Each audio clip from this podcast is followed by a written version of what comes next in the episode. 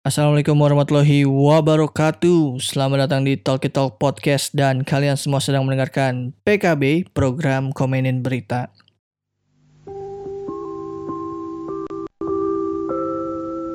Ah gue yakin pasti ada yang mikir Ini apa sih ini podcast sosok Em, Programnya banyak. Kemarin baru ngerilis program kosan Sekarang ada program PKB Ntar ada program PAN P3, PDI gitu kan Ya gue ngerti lah Ya karena di podcast ini memang mengutamakan kuantitas dibanding kualitas ya. Jadi kita mau sok-sok banyak program tapi isinya tetap aja nggak ada yang bisa diambil faedahnya gitu ya. Jadi sebenarnya apa sih si PKB ini sendiri? Gue nyebutnya ini sebagai sebuah program highlight.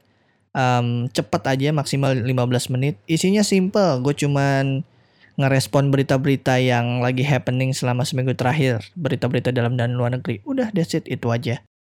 Eh Sebenarnya hari ini sekalian ada satu hal yang mau gue omongin, tapi tuh dari tadi gue mikir sebenarnya ngomongin itu gaya-gayaan gak sih? Maksudnya kayak sosok kayak udah podcast gede aja.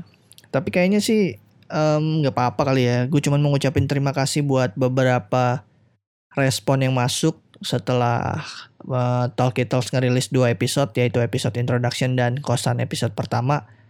Em, ya gue cuma mau ngucapin terima kasih yang udah ngeluangin waktu ngedengerin sejam gua ngoceh bareng Egi, bareng Dila dan ya mudah-mudahan ada yang bisa diambil lah sedikit gitu ya dari obrolan kita.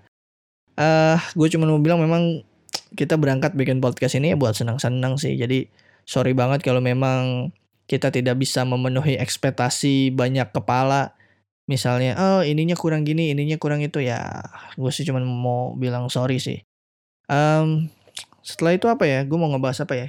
Oh, ada satu hal yang bikin speechless setelah dua episode ini rilis. Ya, seperti pada umumnya setelah rilis kan pasti terjadi interaksi di media sosial ya. Oh ya, yang belum follow Instagramnya Talkie Talks, boleh di follow at digabung semua. Tiba-tiba secara random ada orang nanya, em, Min, gimana sih cara siaran podcast yang baik? Waduh, gue bacanya bingung juga kebetulan ya.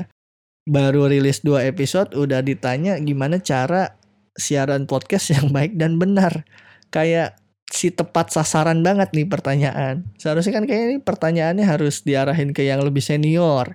Ya Adriano Colby, Postinor ya enggak itu dua kanal yang udah luar biasa mungkin bisa ditanya ke sana. Cuman kan gue nggak mungkin bilang gitu dong di sosial media, di DM. Akhirnya ya udah gue bales dengan kaidah-kaidah em, sosial media yang baik dan benar ya gue jawab se sotoy gue aja walaupun pas nulis kayak aduh ini gue nulis apa ini gitu ya itu sih hal-hal epic setelah dua episode rilis ah kayaknya itu aja ya apa mau bahas berita juga ya? Iya ya, bahas berita juga ya. Ngapain udah eh, ngomong-ngomongin PKB tapi nggak bahas berita. Gue bahas berita aja deh yang cepat apa ya, yang lagi hangat, yang masih hangat.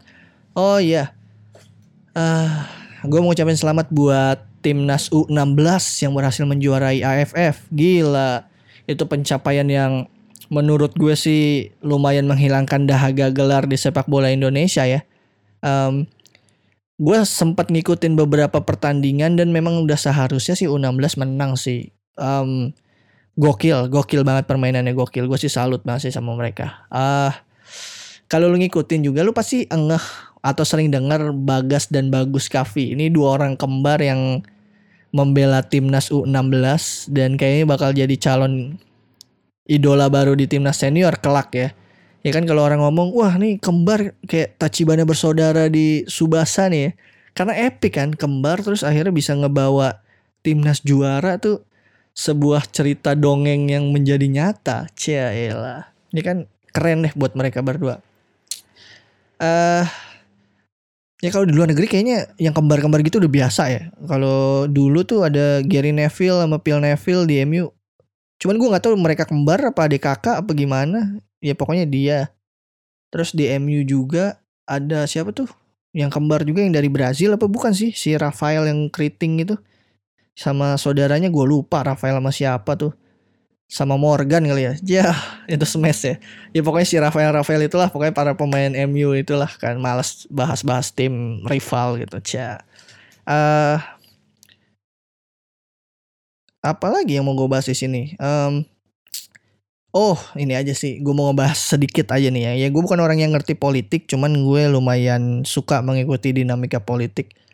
uh, ya kita udah tahu, kita udah dengar kita punya dua capres, dua pasang capres dan cawapres. Ada Bapak Joko Widodo yang maju kembali berpasangan dengan Bapak Ma'ruf Amin dan kita punya Bapak Prabowo dan Mas Sandiaga Uno yang menjadi calon berikutnya. Kita udah punya dua pasang calon nih. Uh, gue sedikit mau bahas satu-satu. Ini sih opini gue ya, opini dari rakyat jelata yang sotoy yang cuman nyerna um, berita-berita dari portal berita online dan sosial media aja. Um, gue sih um, sedikit mengerti gitu ya strategi politik Pak Jokowi dari kacamata gue. Walaupun banyak orang yang banyak orang yang uh, sedikit kecewa dengan pengangkatan Pak Maruf Amin jadi cawapres. Kadang memang politik susah ditebak sih. Uh, karena sebelum-sebelumnya tuh yang kedengeran Pak Mahfud MD yang bakal mendampingi Pak Jokowi. Tapi di terakhir-terakhirnya Pak Jokowi uh, mengumumkan berpasangan dengan Ma'ruf Amin. Ya sebenarnya um, gue bisa bilang ini strategi terbaik untuk saat ini gitu. Kenapa? Karena kan ya ya mungkin kita sama-sama udah tahu lah di setahun terakhir ini label pemerintahan Pak Jokowi itu adalah pemerintahan yang tidak pro terhadap umat Islam terlebih selepas um, aksi 212 dan lain sebagainya itu. Jadi uh, pengangkatan Bapak Ma'ruf Amin ini cukup beralasan menurut gue. Um, ya gue mungkin secara referensi terbatas gitu ya kayak gue nggak tahu sebenarnya rekam jejak Pak Ma'ruf Amin di luar sebagai ketua MUI gitu ya beberapa beberapa poin yang gue tahu tuh memang sempat diangkat menjadi dewan penasehat gitu kan. Cuman gue nggak tahu deh rekam jejak perpolitikan yang lainnya. Um, dari dari pengalamannya yang minim gue jadi beranggapan bahwa pengangkatan sosok Bapak Ma'ruf Amin ini lebih kepada peningkatan elektabilitas di 2019 gitu. Jadi cuman kayak ya sorry kalau gue salah. Maksudnya kayak cuman ngejual nama aja sih gitu. Ya sorry banget sih.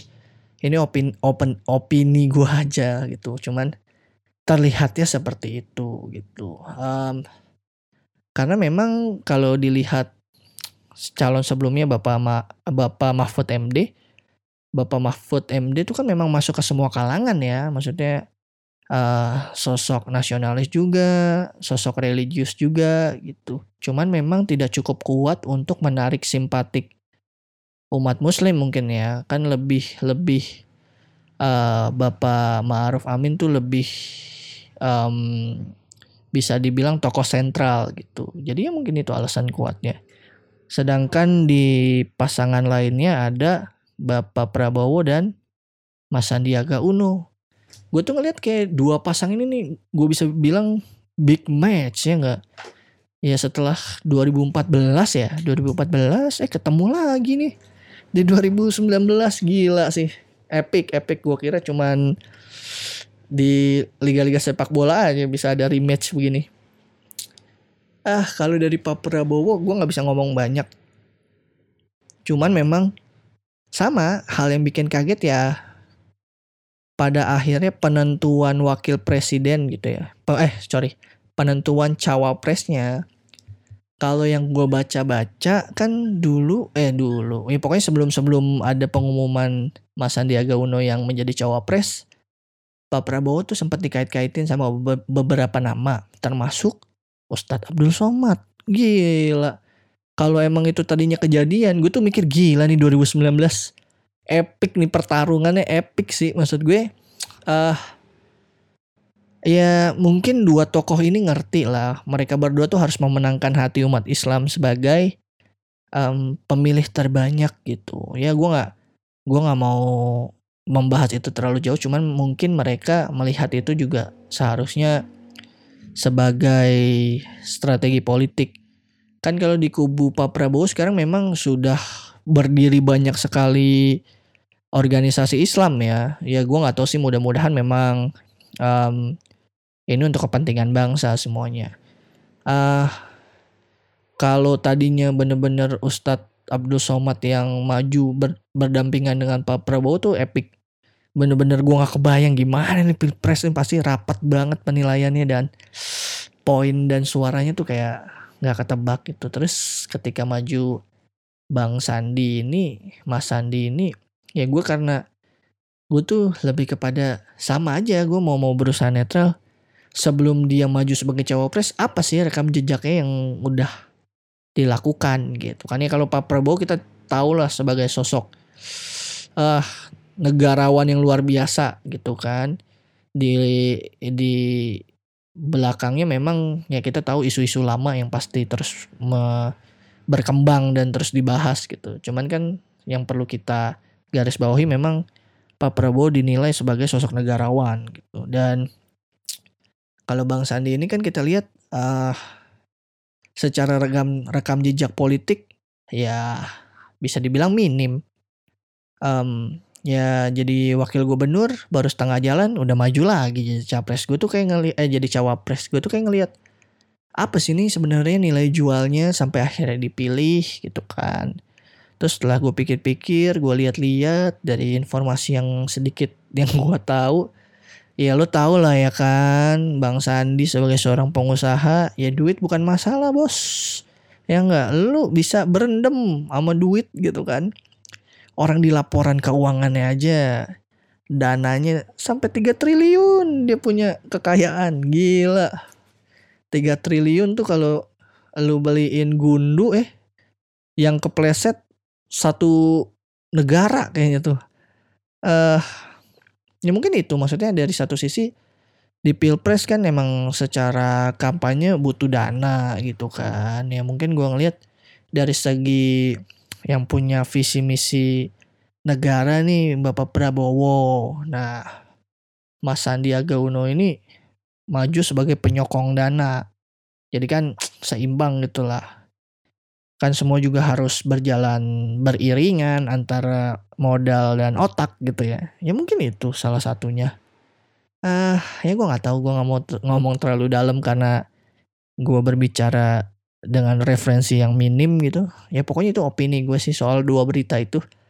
Eh uh, gue mau ucapin terima kasih buat yang udah dengerin dan jangan lupa uh, follow instagramnya Toki Talks dan lu bisa dengerin uh, podcast ini di hampir semua um, tempat ya, Cia, hampir di semua platform streaming favorit kalian. Udah gitu aja. Terima kasih sampai berjumpa lagi di episode PKB mendatang. Bye.